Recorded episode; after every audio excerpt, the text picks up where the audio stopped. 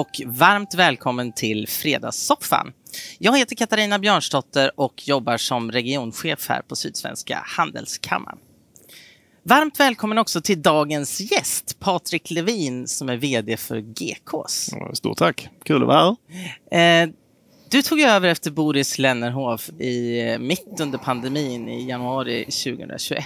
Och ja, det är ju inte bara liksom ett eh, gigantiskt varuhus du har tagit över. Du har ju Nej. tagit över hotellverksamhet, restauranger, stugby, camping, upplevelsecenter och sådär. Och sen har ju du fått frågan tusen gånger, hur ska du kunna fylla Boris skor? Ja, så är det.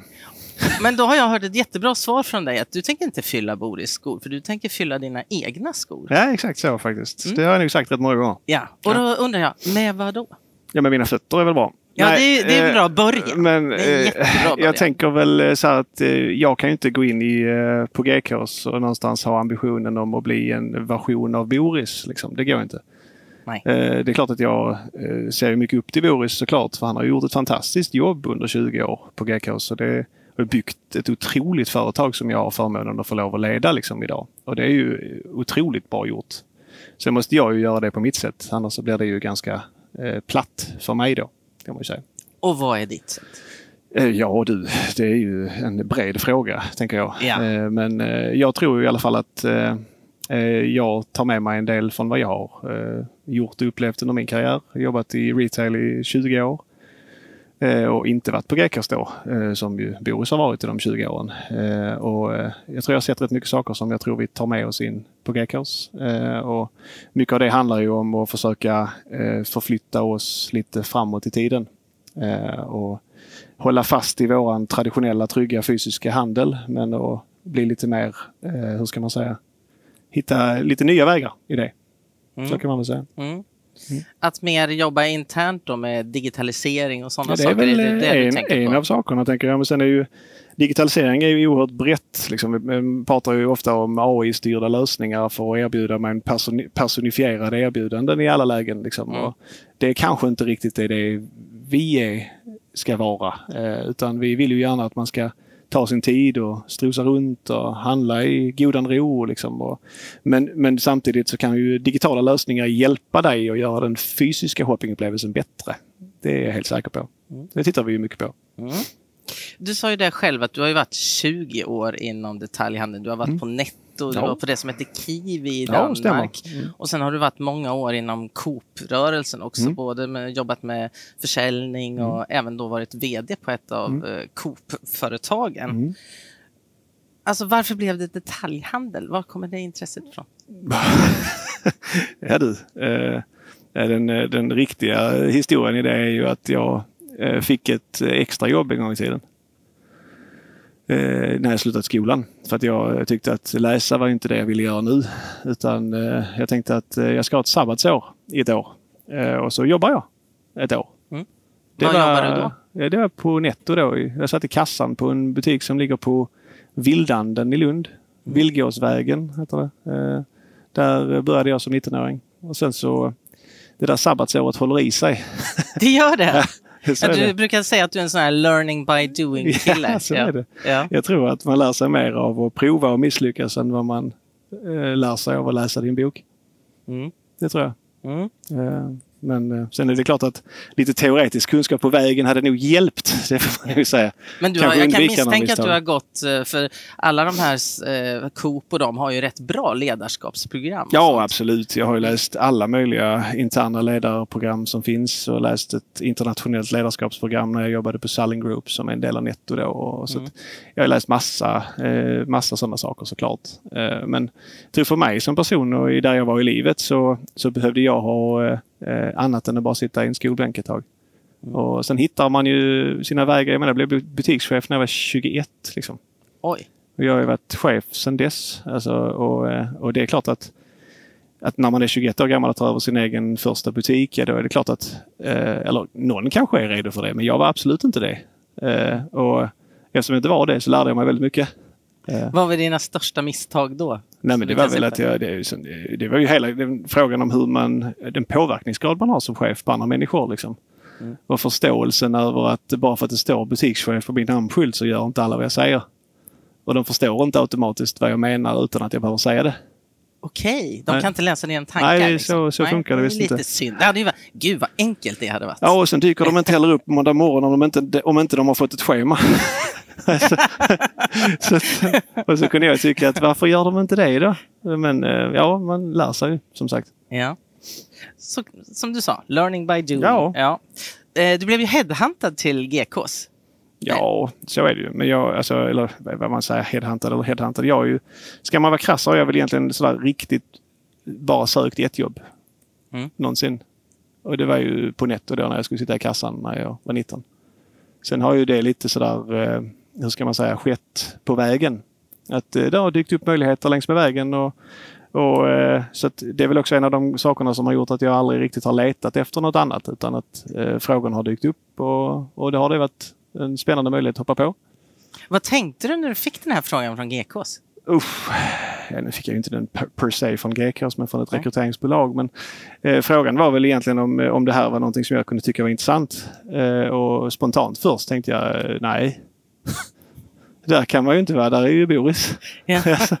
Eh, men, eh, och jag tror att någonstans är det ju en sån historik där med varumärket och tv-serien och Boris och, som ju har blivit synonym på många sätt. Liksom. Så att, eh, och så tänkte jag väl så här, vill jag, nästa tanke var väl, vill jag verkligen vara så eh, känd, eller så pass, vad ska man säga, jag brukar säga Boris Lennerholm med svenska folket för det är ju det han verkligen har blivit under den här resan och gjort det fantastiskt bra. Liksom. Men eh, det är ju ändå ett, ett, eh, en annan exponering som man som eh, detaljhandels normalt inte behöver eh, förhålla, förhålla sig till. Liksom. Och, eh, inte kunna gå och handla en kopp kaffe utan att bli frågad. Ja men det är ju, är ju du. Ja jo det är ju jag. Det är helt rätt. Eh, så, så, det, så det var väl en, en fråga som var stor för mig kan man väl säga. Det var inte bara du som var lite tveksam. Jag har också läst på att din fru var tveksam. Varför ja. var hon tveksam? Ja, hon var inte tveksam på GK som så. Det är väl mer att om ni, du hör ju min dialekt, jag är ju inte hallänning liksom. Utan Nej. jag är ju rätt så mycket skåning och har ju bott i Skåne hela livet. Och, och det har ju också min fru då. Och, eh, när jag träffade min fru så eh, bodde hon i Trelleborg. Och jag bodde i Malmö och jag kommer från en liten by som heter Kävlinge. Eh, för alla de som inte har varit där så eh, kommer jag därifrån. Eh, men jag flyttade till Trelleborg för att hon eh, ville bo i Trelleborg. Uh, inte för att jag ville bo i Trelleborg. Men okay. jag trivs bra i Trelleborg så det är inte liksom själva staden som sådant utan det har varit jättebra. Uh, men så att uh, spärren för att flytta så långt för min fru den var ju större än vad den var för mig. Okej, okay, passera Hallandsåsen liksom? Ja, alltså mer att det är ju ändå trots allt om man tänker körvägsmässigt från vänner och familj. Det är ju ändå två och en halv timme liksom. Mm. Och det är klart att det, det förändrar ju ens vardag mm. på många sätt. Mm. Så är det. Och det är ju långt fler än oss som har gjort den vägen. Men det är klart att när man ska göra det så är det lite nervöst. Tänkte vi backa bandet, för du sa mm. du är född och uppväxt i Kävlinge, som ja, inte ligger så långt härifrån. Hur var du som barn?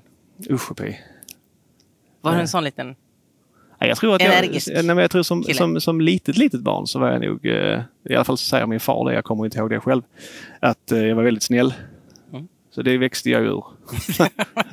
Nej, men eh, som många andra så hade jag väl en tonårsfas där man ville vara, med, ville vara själv och ville bestämma själv och allt sånt här. Tänker jag. Min kanske var lite större än andras eh, eh, och, och mindre än andras. Det tror inte jag sticker ut på något sådär galet sätt. Men jag är ju äldst av tre, ja, vi är tre syskon. Mm. Eh, och man kan väl säga att jag banade rätt bra väg för mina syskon. så, så det var säga. du som tog smällarna Nej, och så alltså, fick de andra det, liksom, det, det, men, det menar enklare ju, resa. Det menar ju jag, absolut. Ja, ja. Det brukar ju vara, jag är stora men, syster, jag brukar också hämta detta. Eh, mm. Men eh, jag är som, som jag sa född och uppväxt i Kävlinge, en fantastisk liten stad.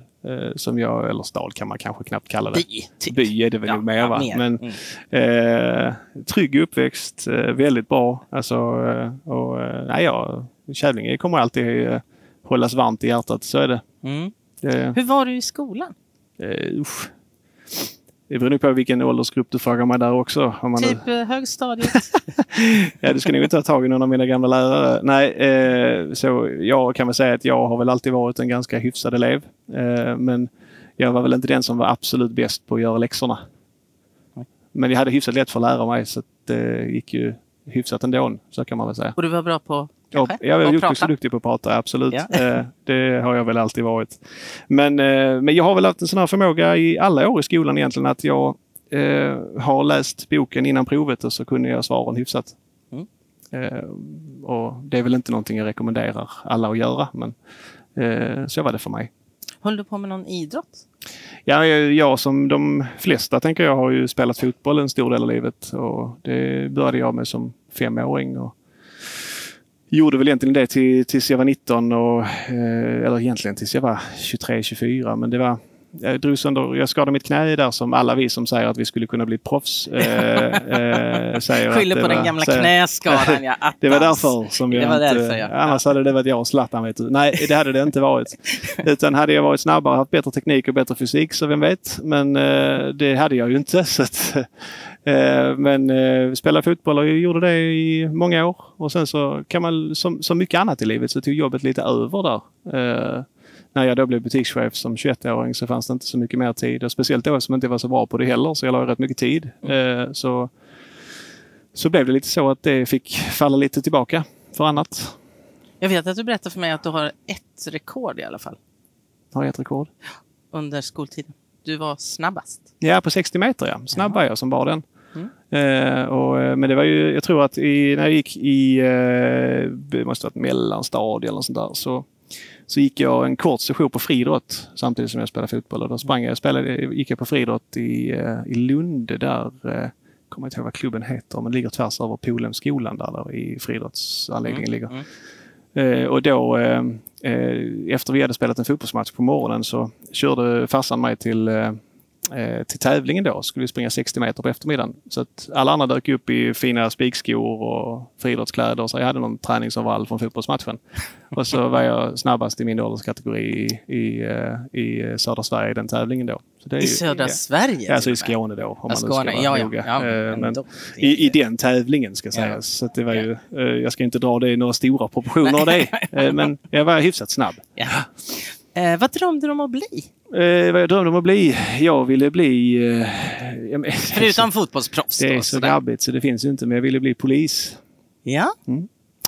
Det var min dröm när jag var liten. Och sen så när jag blev lite större så ville jag bli affärsjurist. Mm. mm. Och eh, jag hade ju en dröm om att läsa på juridikum och, och gå den vägen och så. Men ja, nu... Nu, nu blev det en annan bana istället. Det blev ju inte så. Men, eh, men det hade ju säkert varit fantastiskt roligt. Det verkar ja. vara ett kul jobb. Ja. Du, nu ska jag vara lite småtaskig. Eller ja. småtaskig. Nej, det ska jag inte vara. Vi ska ha ett litet quiz du och jag. Ja, vad kul. Ja. och det handlar ju faktiskt om eh, GKs. Ja, det är klart. Ja. Jobbigt jag... om jag då inte kan. Nej, men det, jag kommer säga, jag har ju tittat, ni har ju så himla mycket roliga siffror på er hemsida. Ja. ja. Men det här kommer inte, du kommer klara detta galant, jag tror mm. det. Men det här är bara för att alla som lyssnar ska ja. få fatta hur sjukt det här är egentligen, det här fenomenet. Om jag börjar med att säga, så ska du säga vad det är för någonting då. Vad är 1,4 eh, kilometer? Det är den längsta kön uppmätt någonsin. Mm. Tror jag, utanför en. varuhuset då. Precis. Mm. 13 miljoner par 13 miljoner par. Um, ja, det är ju två av något. Ja, det är, det är två av något. Det, det jag var snäll där som sa par. Så jag tänker ändå ja, ta ner det lite grann. Som ni sådär. säljer sjukt mycket av. Så jag tänker det är byxor. Nej, strumpor ah, faktiskt. Sören. Det borde ja. jag ju kunnat faktiskt. 100 miljoner om året. Vad säljer ni 100 miljoner om året? Uh, Pernilla Wahlgren. Mm, I pengar, ja. Mm. Stycken tänker du? Ja, ja, ja. 100 miljoner styck om året. Vad kan det vara? Plastpåsar skulle det kunna vara. Eller... Ja, ni, eh, plastpåsar säljer ni 300... Nej, ni säljer 100 000 fryspåsar om dagen. Ja, det blir ju mer än det. Ja, precis. Eh, men 100 miljoner bullformar säljer ni oh, per år. Faktiskt. 1,7 miljoner om året då. Det känns, det känns ju som jag satte mig ordentligt på pottkanterna. 1,7 eh, miljoner om året. Ja, styck. Jo, det förstod jag nästan. För ja. Det har vi varit en stund. Ja. 1,7 eh, miljoner styck. Eh, då, du får tips också. Vad härligt. Är det schampoflaskor? Ja, ja, precis. Ja, ja. Bra! Jag gillar ledande hjälp. Liksom. ja, precis. Hur ser genomsnittskunden ut ungefär? på? Ja, men någonstans strax under 45-årig kvinna eh, som har kört ungefär 20 mil. Rätt! Mm. Ja, kunddatan kan jag hyfsat. Ja, ja, ja, ja, ja, ja. Eh, 41,7 miljoner kronor. Bästa dagen någonsin 2019, eh, november, lördag. Jag kommer inte ihåg datumet exakt i huvudet. Det sjuka var att jag var på GK och träffade Boris dagen innan. Alltså? Då sa han till mig, imorgon kommer vi slå all time high. Så sa jag, hur kan du veta det? All statistik, all data tyder på det. ja, det... Och så läste jag sen på söndagen i Aftonbladet eller något. GK slog rekord. Ja, men det får man alltså, ju ändå säga ju, att han hade rätt Man måste ju säga att ni har väldigt bra koll på siffrorna. Ja, det ja. tycker vi. Ja. Men vi har ju också affären i anslutning till kontoret. Ja. Så vi kan ju gå ut och kolla. Ja, precis. Ja. Det är bara så. Mm. 29, nu sista här. 29 200. Jo, men det är ju flest antal kunder på en dag. Just det. Mm. Ja, vi måste ha en till. Nej, det var, nej den, den får räcka. Ni har ju då också 2019, det var ju ert all time high. Då besöktes mm. ni av 4,9 miljoner kunder ja. som handlar för 5,6 miljarder. Ja. Alltså det är, det är galet. Ja, det är rätt mycket faktiskt. Ja. Ja. Jag tror att det är eh, mest av eh, i hela norra Europa som har en ingång och en utgång. Mm. Hur många kassor har ni? 82 i vanliga kassalinjen. Och sen har vi ju faktiskt sju uppe i skoaffären. Ja. Du, jag tyckte ändå du klarade dig hyfsat bra, så jag har en liten Jag fick, en, jag fick inte den stora, jag fick den lilla. Ja, ja, men tack så mycket. Ja. Vad tror du är framgångskonceptet? Ja, det är konsekvent affärsidé. Eh, från första stund när Gekås öppnade så var det ju att sälja mycket varor till låga priser. Alltså, och det har ju som varit eh, mantrat i allt vad vi gör fortfarande. Alltså, oavsett vad vi gör så, så är ju, startar vi ju i frågan hur billigt kan vi göra det här? Mm. Inte liksom hur mycket pengar kan vi tjäna här eller hur bra kan det bli eller snarare hur billigt kan vi göra det här? Mm. Kan, om vi ska ta in en ny kollektion med någonting, ja då är det snarare hur låga priser kan vi hålla? Alltså, och, och det, det tror jag är, och det spelar ingen roll om det är kläder eller boende eller mat eller vad det nu än är. Det är hur kan vi hålla det lägsta priset vi kan och ändå ha den högsta kvaliteten vi, vi kan leverera. Och det, och det har liksom varit mantrat alltid och sen så när vi då när då, det hände ju för ganska många år sedan när, man kunde, när det slutade vara så att man som retailer kunde berätta för kunden vad de skulle köpa. Utan man måste ju lyssna lite också eh, om vad kunden faktiskt vill köpa. Och eh, eftersom vi har varit duktiga på att lyssna på vad våra kunder vill ha och successivt eh, byggt ut, öppnat, utökat och lagt till eh, det som man efterfrågar. Eh, så tror jag att eh, om man alltid håller ett garanterat lågt pris, om man alltid lyssnar på vad kunden vill ha och man gör så gott man kan för att efterleva det, tror jag man kommer rätt långt. Vilka varor tackar ni nej till? För när man är där så det, alltså det är ju allt tycker man. Ja, vi har ju rätt så många artiklar får man ju säga. Ja. Eh, jag tror att vi till och med unikt har flest under ett och samma tak. Hur många har ni? Det är strax över 150 000 SKU då. Och då tänkte jag att det här eh, blå kavaj är ett märke, det är en SKU. Hade den funnits i grön också så hade det varit två då. Eller? Mm. Och sen så storleken, storleksrangen är också en då i varje. Så någonstans runt 150 till 156 000. Eh, och, eh, men vi tackar ju nej till det vi menar på är en kvalitet som vi inte eh, vill stå för. Så vi har ju sagt att vi vill ha, eh, vi vill ha bra, bättre, bäst i vår sortimentstrappa men vi vill inte ha dåligt.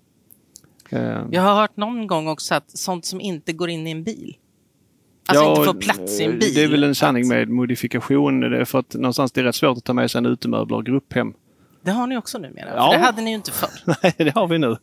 Ja. Eh, så att man kan väl säga idag kan man väl säga det som inte får plats i en bil och släp. Okej. Om man nu ska göra en, eh, en twist på det där då. Men du, hur gör ni eh, Alltså, hur gör ni för att följa trender, alltså både på mode men också att hitta andra storsäljare? Hur, liksom, ni måste ha en gigantisk omvärldsbevakning på något vis. Hur jobbar ni med det? Ja, alltså, ja, egentligen så är det ju så att vi har ju specialister på varje inköpsområde och de är ju ansvariga för att bevaka omvärlden och vad som händer eh, och vad som är viktigt för oss då att ligga rätt i. Sen, sen är det väl inte alltid så att vi har uppdraget att och liksom någonstans utmana i, inom nya segment utan vi, vi är ju kanske inte alltid first mover-organisationen eh, eh, organisationen utan vi ska ju gärna komma när, det väl, när vi vet att saker och ting har börjat trenda, ja men då ska det finnas hos oss också. Sen kanske vi inte ska ha eh, tiotusentals produkter varje månad som, som ingen vet om det ens funkar. Utan eh, vi, eh, vi bevakar och ser vad som händer i världen och, så, och sen så jobbar vi efter det. Mm. Eh, ni har ju också samarbeten, du var lite inne på det Pernilla Wahlgren, vi kommer mm. till det strax. Men innan så hade ni ju Morgans chips och Ola-Connys limpa. Ja, och, ja, vi har ju det fortfarande. Ja, det har ni fortfarande, ja. ja, de är fortfarande starka. Jag har tänkt på det. Det är ju lite del, det är lite employer branding kan man ju säga. Ja, jag och, sen, det är och, sen, och sen så är det inte så att det är vissa som är liksom lite, av de andra i personalen, blir inte de avundsjuka? Är det inte vissa här, varför ska de få fronta? Alltså det är ju... Jag hade ju velat säga ja eller nej på den frågan, men jag vet faktiskt inte fullt ut. Jag tror att det är blandat. Jag tror att man... Eh, det här med den uppmärksamheten man får, det är ju på gott och ont. Mm. Liksom. Alltså, Morgan och Ola-Conny är ju två otroligt trevliga killar. Men de har rätt svårt för att jobba. Alltså, de blir störda i sitt jobb kan jag eh, tänka. Ja, stör, man kan ju inte säga att en kund stör. Nej, så det nej, kan man väl nej, inte säga. Eh, aldrig, det kan man ju aldrig säga. Liksom. Men, men det är klart att eh, en stor del av deras arbetstid går åt till att ta en selfie eller, eh, eller skriva en autograf eller bara vara trevlig och ge en kram. Liksom, och så. Mm. så det är ju två fantastiska varumärkespersoner för vår del som, som ju är vanliga varuhusmedarbetare som, som går upp varje morgon och gör det de ska göra och gör det efter bästa förmåga. Liksom. Och det, det är ju fantastiskt tycker jag att vi kan ha en Ola-Conny limpa och tyvärr har vi ju inte Morgan chipsen längre då men nu har vi då Morgans kanelbullar istället då. Ja, ja. Eh, så att, ja. Eh, jag tycker jag är otroligt roligt. Jag eh. vet att när jag var och hälsade på Boris så hade han bakom sig något nytt varuprov med en kudde som var... Ja, en paljettkudde. Paljettkudde, ja, precis. Med Morgan och Ola-Conny. Vem vill inte ha en sån, tänker jag. Alltså, jag tänkte så här, det, oh det vill väl, väl, alla ha hemma i fall, tänker ja. jag. Sen hade ni också det här Kjelles skohorn, inget jävla plastaskit. Ja, exakt. Den också. Men den finns ju fortfarande också. Den finns också kvar. Det finns också ja. Kjelles tändvätska när man ska ha ordentligt med tändvätska. Ja, just det. Ja, Så eh, den finns också, absolut. Men en, en kul, om du, du frågar mig med en massa quiz på siffror från ja. Hur många limpor tror du vi har sålt av Ola-Connys limpor? Nu om man vänder på den här prisfrågan. Eh, ja, just det. Under år, detta året. Sen vi började sälja dem. Sen ni började sälja dem? Oh! Hon följer inte oss i sociala medier säger jag. Nej, det gör jag inte. Aj, aj, aj. Säg att ni har sålt eh, 11 miljoner limper. Nej, riktigt så många är det inte. inte. Det hade varit kul. Men ja. det var, under förra året så gjorde vi eh, vår miljonte limpa eh, som vi sålde ja, för Julekonny. Så vi har sålt väl strax över, strax över en miljon limpor. Eh, och eh, får man ändå tänka att de flesta kunderna ju inte åker till GKs eller Ullared för att köpa bröd. Nej, nej. Det är inte det första man tänker på i nej. alla fall. Nej. Så det är ändå rätt häftigt, ja. tycker jag. Men nu, ni har ju inlett då, och det är ju lite nytt det här samarbetet med Pernilla Wahlgren har ja. en kvinno eller damkollektion. Ja. Glenn Strömberg har en herrkollektion och Marie Serneholt har barnkollektion. Ja. Har det fallit väl ut? Det är fantastiskt. Mm. Uh, och, uh, alltså, Sen är det ju så att eh, de är ju olika i ropet får man väl säga. Och Pernilla kan man väl ändå säga har mer exponering än, än eh, både Glenn och, och, och Marie då. Eh, så hon driver ju oerhört mycket. Eh, det är ju som att hon är ju, jag tror, nu vet jag inte, jag har inte statistik på det, men jag skulle tro att, jag tror knappt hon var så känd som hon är nu när hon slog igenom som artist. Liksom. Mm. För de flesta vet ju vem Wahlgren-familjen är ja, idag. Ja, liksom. Och 15-16 säsonger senare med Wahlgrens värld säger väl en del tror jag. Mm. Eh, men, men... Vems idé var det här att ni skulle börja med Nej, men jag skulle säga att det är ju en inköpsidé eh, i grund och botten. Vi är ju väldigt duktiga inköpare på GK som ju är, som du pratade om innan, väldigt trendkänsliga och väldigt duktiga på att hitta rätt vägar för oss då. Eh, och den växte ju fram i, redan innan jag började såklart. Utan det har ju varit en fråga som man har diskuterat under en period. Eh, Glenn hade ju också lanserats innan jag började. Eh, Pernilla och Marie då som har varit under tiden jag har varit på plats. Eh, och eh, Glenn har ju har en fantastiskt fin kollektion som är en sån här, eh, vad ska man säga, eh, det både är sportigt och den är lite fin. Eh, passar för de flesta. Eh, väldigt bra kvalitet till bra priser. Eh, detsamma gäller ju både Maries och Pernillas men på den arenan liksom. Eh, och jag skulle säga att även om Pernilla då är den i antal plaggset största succén så skulle jag säga att i andel av den delen av varuhuset. Om man mm. tänker att damklädkonfektion ändå är vår största varugrupp generellt. Mm. Så har hon en lika stor andel som Glenn har på herr och som Marie har på barn. Det är bara det att damkonfektion totalt sett är större. Mm. Eh, har ni någon sån här drömsamarbetspartner Nej. Som ni försöker jaga nu liksom? Nej, eh, nej, nej, vi jagar ingen. Eh, inte i dagsläget i alla fall. Eh, men jag tänker att jag kunde gjort en... Nej, eh, nej eh, men nej, det har vi väl inte. men vi kanske får. Men just nu tror jag inte vi har någon sån här uttalad den hade varit jättekul. kanske. Jag eh, pratade med några av mina grannar igår och mm. berättade att jag skulle träffa dig idag. Och, så där. och hon bara, jag skulle aldrig sätta min fot på det stället. Det var det verkligen så. Nej. Och det är ju många som rynkar på mulen och uh, uh, nej, dit kan man ju inte åka. Nej. Vad skulle du säga till dem? Nej, typ, det är bland det mest... Uh, ja, jag, vet ju att det är så. Antingen så älskar man det eller så gör man inte det. Liksom. Men jag förstår det verkligen inte. Varför eh, förstår du inte? Nej men om man bara tittar på mig idag. Alltså de kläderna jag har på mig idag. Det enda jag inte har köpt på GKs det är kavajen. Så varför skulle man inte kunna handla på GKs? Vad är det som är fel med att, vad är det som är fel med att lägga mindre pengar på, på bra kläder till, eh, med, i samma kvalitet?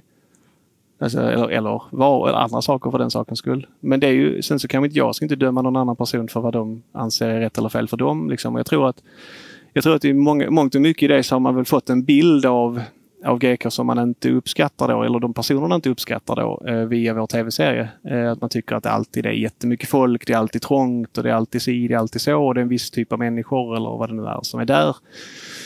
Och det är ju inte sant. Så är det ju inte. Eh, så att jag, jag skulle uppmana alla som säger att man inte skulle sätta sin fot där och prova. Om man då vill åka dit när det är eh, lite, inte så mycket folk, när, vilken dag ska man åka dit då? Ja, men egentligen alla dagar. Förutom eh, juli och eh, helgerna i november och oktober. Alltså, det, är ju, det är ju så här att vi är ju som flockdjur vi människor. Och vi är ju lediga samtidigt, eller hur? Typ, vi har ju semester ungefär samma månad. Eh, och vi har ju ett behov av att handla till vinter och till jul och så ungefär samtidigt. Och de flesta av oss är lediga på helgerna och inte på vardagarna. Så att om man nu väljer en onsdag nästan eh, när som helst så är, kommer det att vara lugnt. Utom men, i juli? Då. Men kommer man i juli så kommer veckodagarna vara större. Så är det. Helgerna kommer vara lite mindre. Kommer man i oktober, november så kommer helgerna vara lite tuffa eh, och vardagarna kommer vara lite lugnare. Mm. Och, det, alltså, och julruschen då? Ja, men vår har en ju rätt tidigt. Alltså, eftersom vi har ju inte, om man säger, vi har inte på samma sätt som dagligvaruhandeln maten. Liksom. Det är inte så att du står i kö i, och väntar på att få köpa den där julskinkan för 39 kronor kilot. Utan det kan du göra var som helst. Liksom. Utan eh, vi, våran rush är ju egentligen från, ja, från denna helgen som kommer nu, skulle jag säga. Som är höstkläder, vinterkläder och sen så går det över i julklappar och, och vinterkläder. Liksom. Eh, som ju är det som driver väldigt mycket människor till GKs. Marknadsföring? Ni har inte behövt marknadsföra något knappt. Nej, men när man är, när man är så bra som vi så... Nej, jag skojar. eh, nej, eh, men, nej, men ni har fått det liksom... kan man väl ändå säga att vi har. För tänker att om du har 11, 10 säsonger i tv. Ja, fast ni har inte lagt några pengar på det menar jag. Nej, det är väl smart. Ja. Och ni har fått kvällstidningar och göra liksom bilagor så här. Så här hittar du på GKs i Ullared med kartor och grejer. Och ni har ju fått, eh, jag vet, var det Sune Sunes, eh, ja, jag kommer inte ihåg vad den heter nu. Det, men det, nej, men det är i alla fall... Till Ullared, ja, Det var ju någon tävling man utlyste mm. bland skolbarn ja, där de fick så, exakt, exakt, skriva. Och då var det ju någon då som kläckte idén att Sune åker med familjen på semester till GKs i Ullared. Och det var det vinnande konceptet som blev en Sune-bok. Mm. Liksom. Ja, men den hörde jag. Vi har en dotter som är nio år. Ja. Jag hörde henne ligga och lyssna på den på Storytel en kväll när hon skulle gå och lägga sig. Det tyckte jag var fantastiskt. det kan ju inte bli bättre. Liksom. nej. Eh, eller om det var Next men, men vad är liksom, kan du förklara, det har ju liksom, och det har inte bara varit en tv-serie. Det har ju varit liksom den här En stark resa med mm. eh, Ola, Conny och Morgan och det har varit eh, Jakten på storsäljaren och, och sen så har det varit det här andra då som har rullat i massor med säsonger. Vad, vad, hur har det blivit så? Nu var ju inte jag där när det hände. Nej. Annars hade jag ju varit eh, tv-prydd, vilket jag ju inte är. Eh, men jag skulle väl säga att Gekas för många handlar ju om så mycket mer än bara shopping. Eh, jag kan bara relatera till mig själv och den eh, resan jag har haft med Gekås, eller som jag alltid har sagt Ullared eftersom jag är född och uppväxt i Kävlinge och inte mm. i Halland. Det är nästan bara där man säger Gekås. jag gör ju det nu för att det känns ju logiskt. Eh, men men eh, vi, mina mormor och morfar hade en stuga i, utan, en halvtimme från eh, Ullared kan man säga. Och då åkte vi ju dit alla lov och på vintern och så vidare. Och då, då var det ju så att då åkte man ju till eh, Ullared då och provade vinteroveraller i juli. Liksom med morsan. Och det tyckte jag kanske inte var det roligaste. Du visste? Eh, jag visste då, nej. nej. Eh, föga, föga visste jag ju att jag skulle tycka det var det bästa som finns i hela världen sen. Men, men, eh, och jag tror att mycket av, mycket av de upplevelserna som man har haft ihop liksom, och stått i den där kön framför de gula tegelhusen som jag också har gjort liksom, som barn med morsan. Och, och eh, de minnena man har skapat tillsammans. För det handlar lika mycket om att vara ihop och umgås med familjen. Det är lika mycket en, en upplevelse att göra saker tillsammans som det är att faktiskt handla.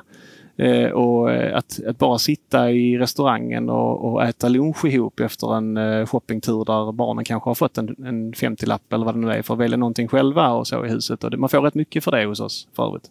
Det är inte så Jaha. överallt annars. Eh, men det är bara så du vet det. Liksom. ja, ja, ja. Eh, men, men eh, och, och, jag tror att det är alltså lika mycket människor, umgås, minnen, upplevelser som det är shopping. Och kan man då kombinera det så får man ju någonting häftigt och unikt som jag tror blir det här fenomenet som har varit Ullared.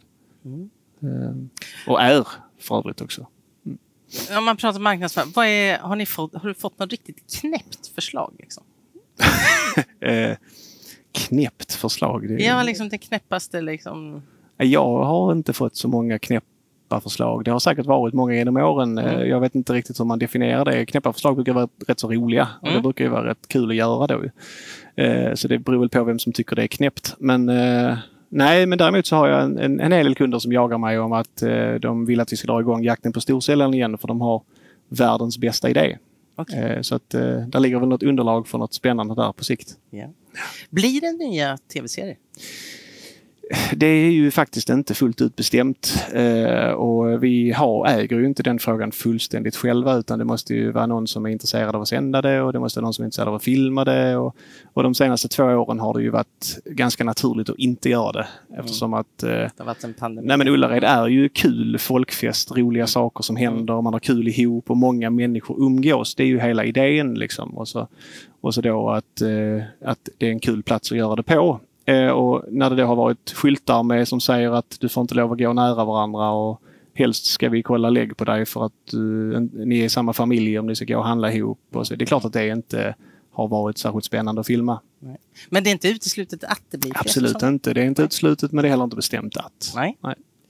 Hur tycker du att Boris framställdes i den? Nej men jag, alltså Boris är ju en glad och trevlig person. Och jag tycker han framställs som en glad och trevlig person som eh, värnar om eh, att människor ska kunna handla saker billigt och kunna dryga ut sin plånbok. Och det, så är han ju som människa. Så att jag, tycker det jag, tyckte, jag har ju tyckt att han har liksom framställts lite naiv och lite disträ och sådär emellanåt. Och det kan ju inte jag, han är ju verkligen en slipad affärsman. Liksom. Ja, nej det är han ju absolut. Inte naiv och disträ skulle jag väl inte sätta som två ord bredvid Boris Lennerhov. Nej, men, men... I, I, serien så tyckte jag liksom att ibland att de, det liksom skämtades rätt mycket så. Jag menar det, det, det ska ju faktiskt, man ska ju komma ihåg att det är underhållning. Ja, liksom. Alltså det är ju inte... Det är klart att vi många gånger skulle vilja spela in massa avsnitt om hur vi jobbar med eh, fram, ta, framtagen av kollektioner och annat. Men det ska ju vara någon som vill titta på det. Liksom. Mm. Så att eh, det, det, det, ska ju vara underhållning också. Och då måste man hitta de här lite annorlunda karaktärerna. Såklart. Ja, ja eller roliga människor, roliga. tänker jag. Mm.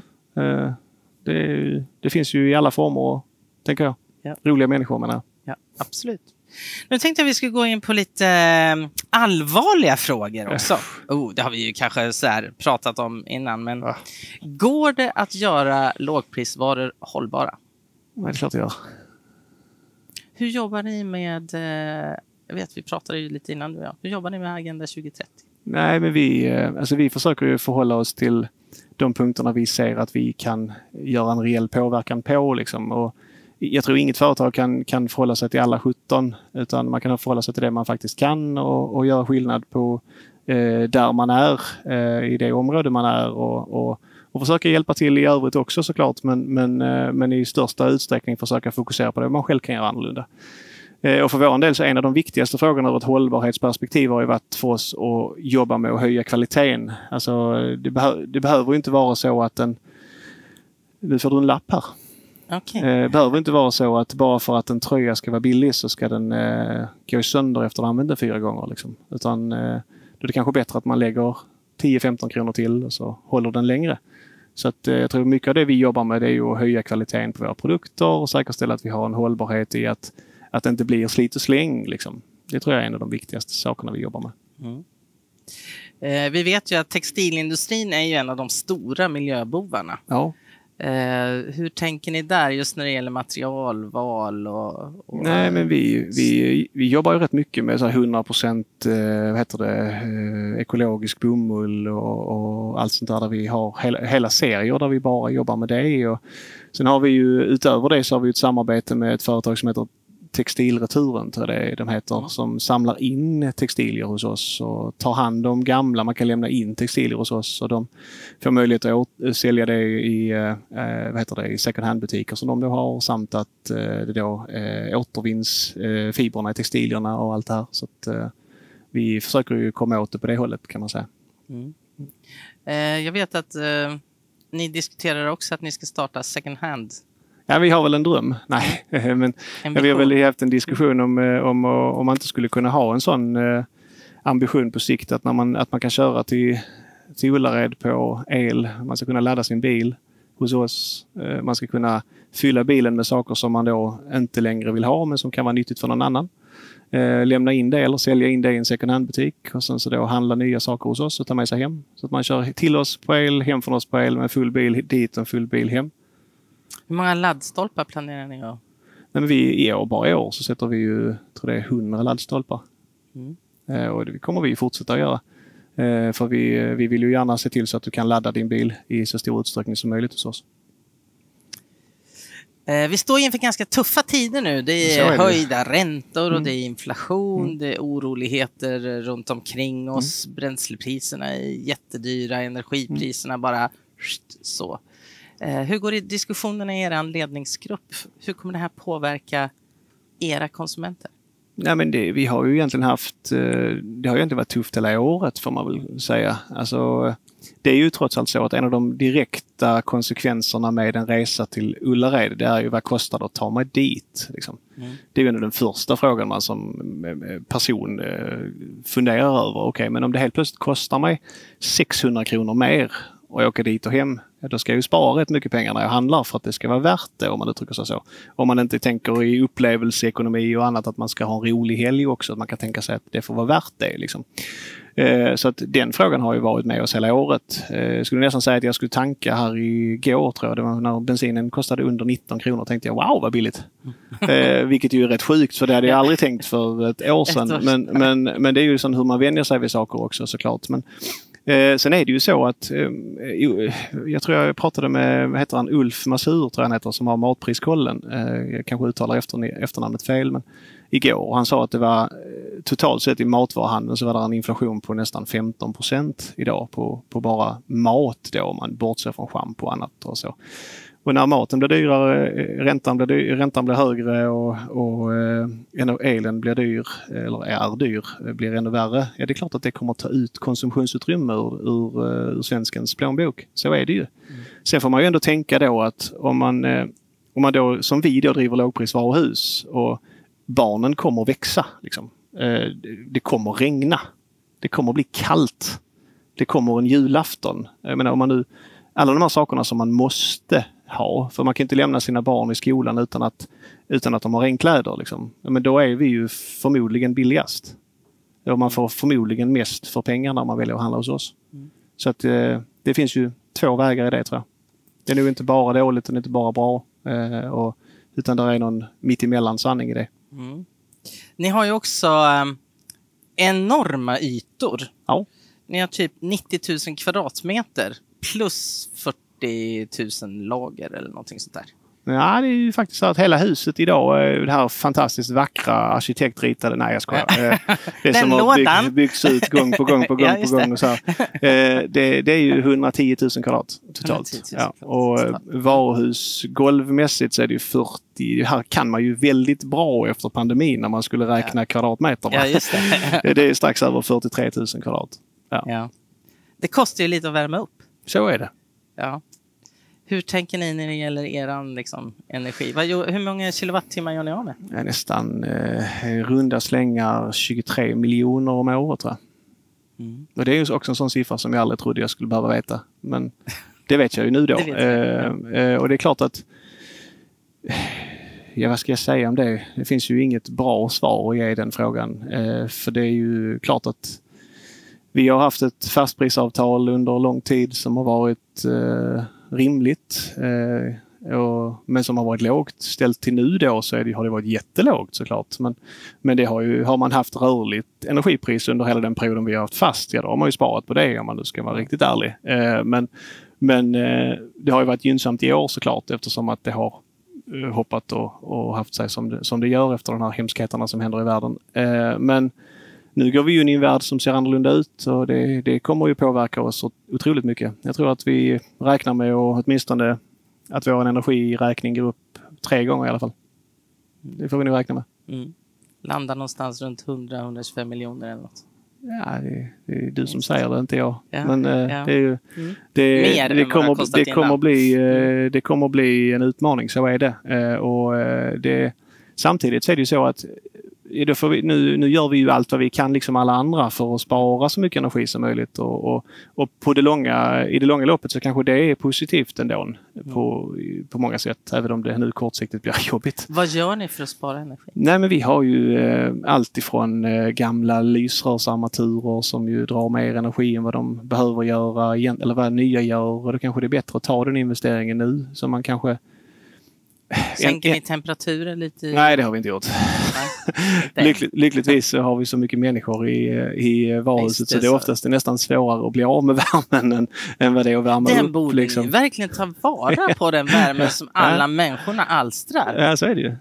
Det är ju verkligen på riktigt. Så är det. Alltså, ja. Men nej, så jag skulle säga att det snarare handlar om hur man säkerställer sådana här värmegardiner för att inte släppa in kyla och säkerställa att vi någonstans hittar bättre, smartare lösningar för det. Så det jobbar vi ju aktivt med. Och jag vet att ni har också diskuterat en vind, egen vindpark för att bli lite självförsörjande. Ja, vi har ju eh, delägande i, vi är, i en vindkraftpark redan men, och vi har ju eh, haft möjlighet att upplåta lite mark till att eh, andra, en annan firma skulle göra det. Men det är inte godkänt så jag tänker att vi, det pratar vi inte om. Nej, för då går du igång, det vet jag. Nej, det, När det gäller det tillståndsprocesser och sånt där, då eh, kan vi hålla på idag. nej, jag, har väl, jag tycker väl ibland att det kan vara lite besvärligt. Det, ja. det kan jag tycka. Vad tror du vad, om dina medarbetare, om de, vad skulle de säga är dina främsta ledaregenskaper? Eller hur tycker de att du är som ledare?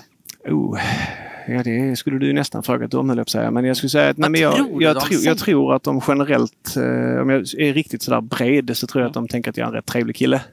Det tycker jag i alla fall själv. Eh, och, och sen tror jag att de... Lite självgod, men annars trevlig. Nej. Eh, jag, tror att, eh, men jag tror att de tycker att jag... jag, jag en viktig sak för mig det är att saker och ting är rättvist. Eh, och sen kan man alltid diskutera rättvist. Är det alltid bra för den enskilde? Nej, det kanske det inte är. Men det är åtminstone rättvist för alla. Eh, och, och det är en sån princip för mig som är ganska viktig. Eh, jag gillar inte att ha olika, eh, olika förutsättningar för olika personer som gör samma sak. Och jag tror att jag är ganska konsekvent och att jag ibland kan vara lite svart och vit. Så tror jag de skulle sagt. Mm. Hur vill du vara som ledare? Jag skulle väl bara vilja vara inspirerande varje dag och bara vara en person som man naturligt känner att det där är ju, låter ju helt fantastiskt. Men som man ändå vågar eh, ifrågasätta och, och känner att det är högt i tak och att man vågar tycka annorlunda. Liksom. För jag tror att eh, det jag aldrig vill vara, det är ju den personen som berättar för organisationen vad de ska göra. Jag vill ju att organisationen ska berätta för mig vad de behöver. Och så ska vi prata om det.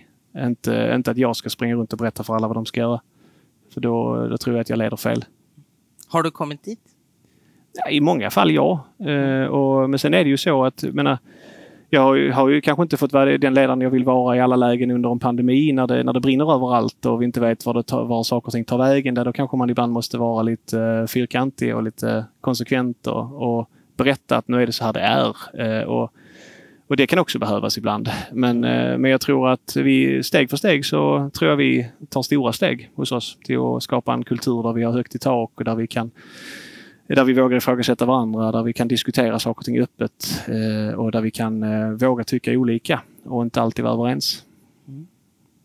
Om du fick ge en uh, ung person ett gott råd på deras liksom, karriärväg, vad skulle det vara?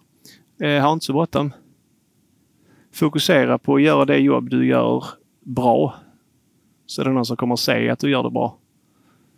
Och då kommer chanserna av sig själv.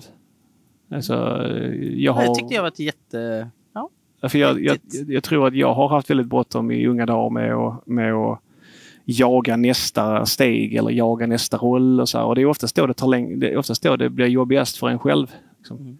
Om man fokuserar på att man vill göra ett riktigt bra jobb där man är mm. och se till att göra det bättre än alla andra.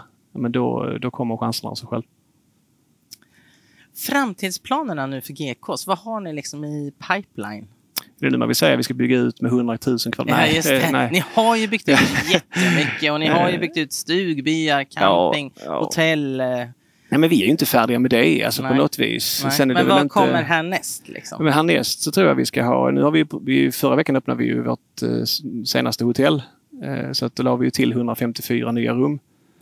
Och svaret vi fick på det, det var ju att ja, tre dagar efter bokningen, alltså möjligheten för att kunna boka släpptes så, så var det fyra lediga rum hela november på helgerna. Eh, så då tänker man bara wow! Uppenbarligen så finns det ju ännu mer intresse av det då. Eh, så vi, vi vill ju hitta ett sätt för där alla ska kunna åka till oss och bo hos oss. I, framförallt när i de här högsäsongsperioderna där, där folk verkligen vill komma och handla hos oss. Så att jag tror att vi tittar på eh, ytterligare boende. Jag tror vi tittar på ytterligare koncept, eller jag vet att vi tittar på ytterligare koncept eh, i varuhuset för att lägga till saker och bli ännu mer spetsiga i våra erbjudanden. och ja, Nej men det är väl det som är det primära att eh, vi vill ju hela tiden varje år öppna nya karuseller. Om man nu gör eh, det här eh, liknelsen som ju ofta pratas om för GKs, att vi nu öppnar vi en ny karusell. Liksom, och, men tänker man då ur ett nöjesfältsperspektiv så måste man ju också ta hand om rosten och skruvarna på det gamla. Eller hur? Ja, eh, och, och, det händer ju saker inom alla segment som vi kanske inte har varit ny, nystartat den sista tiden. Och där behöver vi ju i vissa fall bli ännu, ännu bättre. Mm. Här har vi fått uh, lite frågor från publiken. Um, Oj. Ja. Det har vi inte kommit överens om. Nej, jag skojar. um, har ni några planer på att växa utanför Ullared? Uh, med det så tänker jag att man frågar efter om vi ska öppna någon ny enhet någon annanstans. Mm. så är svaret nej. Nej. Absolut inte. Hur lyckas ni locka personal för mer kvalificerade tjänster till en liten ort som Ullared? Det är en jättejobbig fråga. Eh, och för den är bra. Eh, för det gör, och det har vi ju väldigt svårt med. Eh, och inte för att folk inte gärna vill jobba med varumärket GKs för det är en kul arbetsplats och många som söker från olika delar av landet. Men då kan vi inte kanske alltid erbjuda boende i närheten. Och, och det, det kommer ju med en massa andra saker. Liksom. Och då, då blir ju våran primära eh, marknad Falkenberg, Halmstad, Varberg Hallands inland. Och då ska du ju på ett eller annat sätt ta dig med buss eller med bil eller vad det nu är. Och, och, och det är svårt. Men vi, eh, vi gör ju vad vi kan för att samarbeta med kommuner och annat för att hjälpa till att skapa yrkesutbildningar och möjligheter att lära sig jobbet. Så att man, många gånger så, så anställer vi ju folk som har en stor vilja och så får vi hjälpa dem att, att kunna det jobbet som de är anställda till. Mm.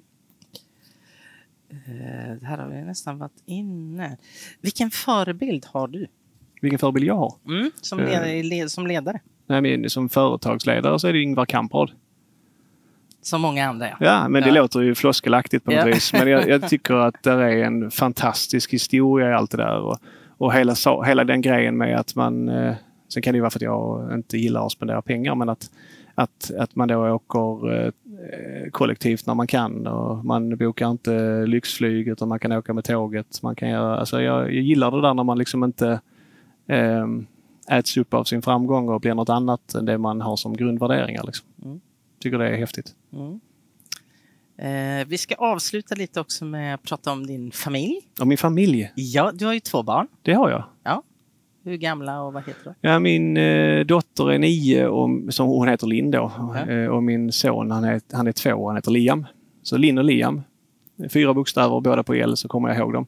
Ja, LI. ja, till och med. Ja. Perfekt. Till och med. Jag tänker det.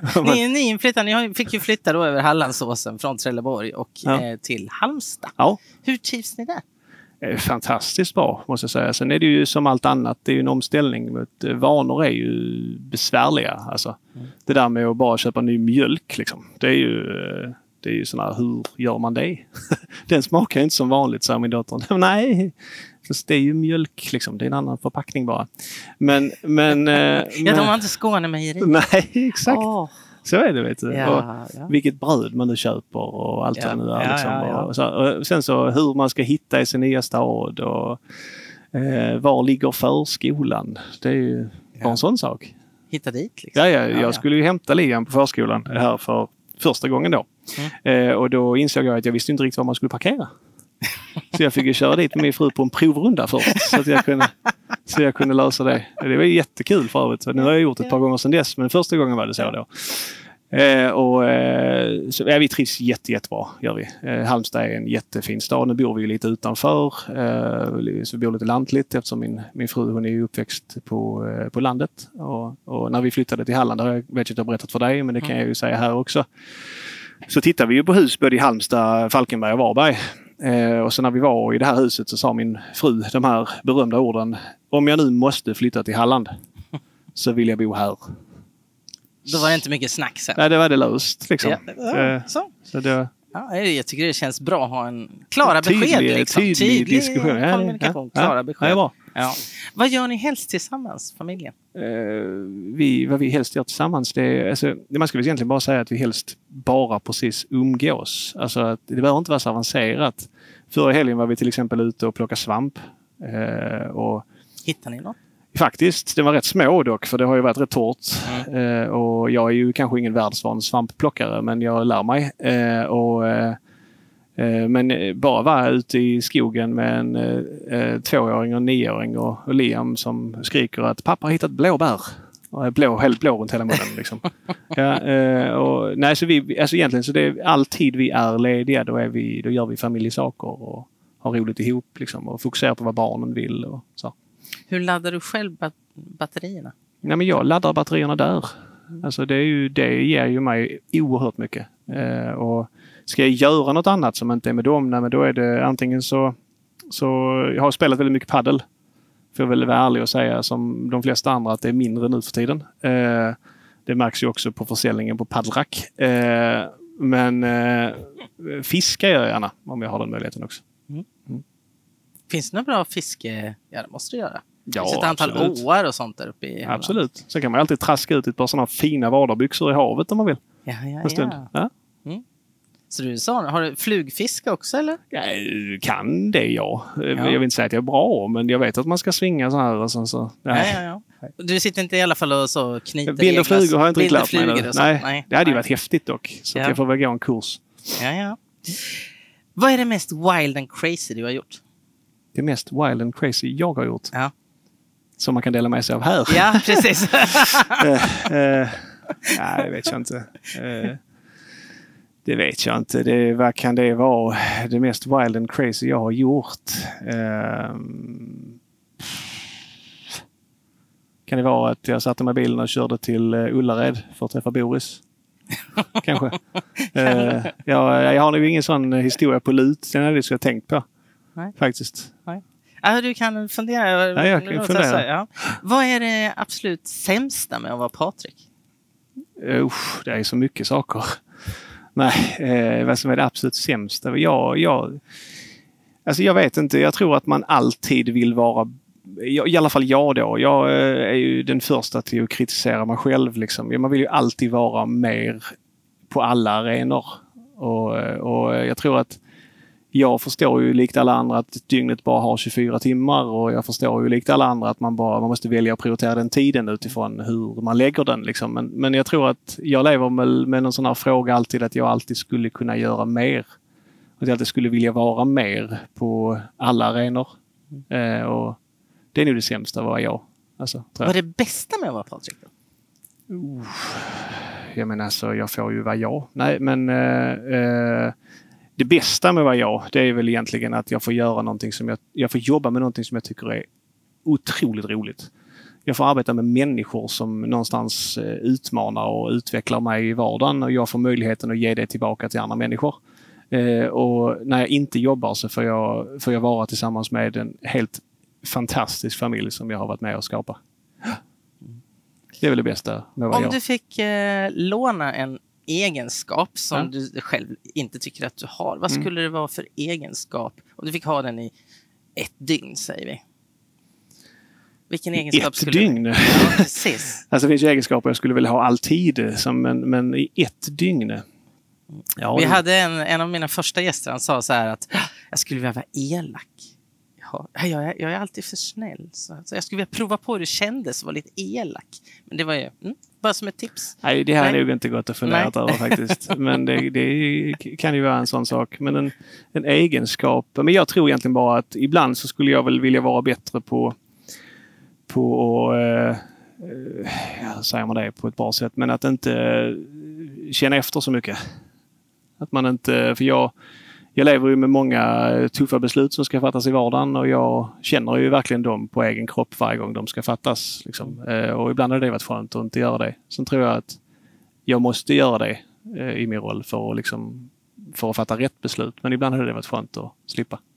Fast det är väl en väldigt fin egenskap att man har empati och liksom känner? Jo, absolut. Men eh, ibland är det ju jobbigt för en själv. Mm sist då, om du fick välja att vara en annan person i 24 timmar, vem skulle du varit då?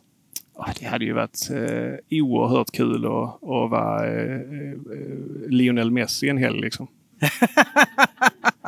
det hade ju varit helt fantastiskt. Ja, men helt, ja, han har säkert eh, knäskador också, men det har inte hindrat honom. ja, det hade ju varit helt otroligt. ja. Zlatan hade också funkat faktiskt. En helg, en bra matchhelg. Ja. ja. Stort tack för att du kom och var med i Fredagssoffan, ja, tack Patrik. Själv. Tack för att jag fick vara En stor applåd till dig. Tack. Och tack så jättemycket för att du var med och eh, lyssnade och tittade på den här sändningen. Eh, och jag önskar er alla en riktigt, riktigt trevlig helg.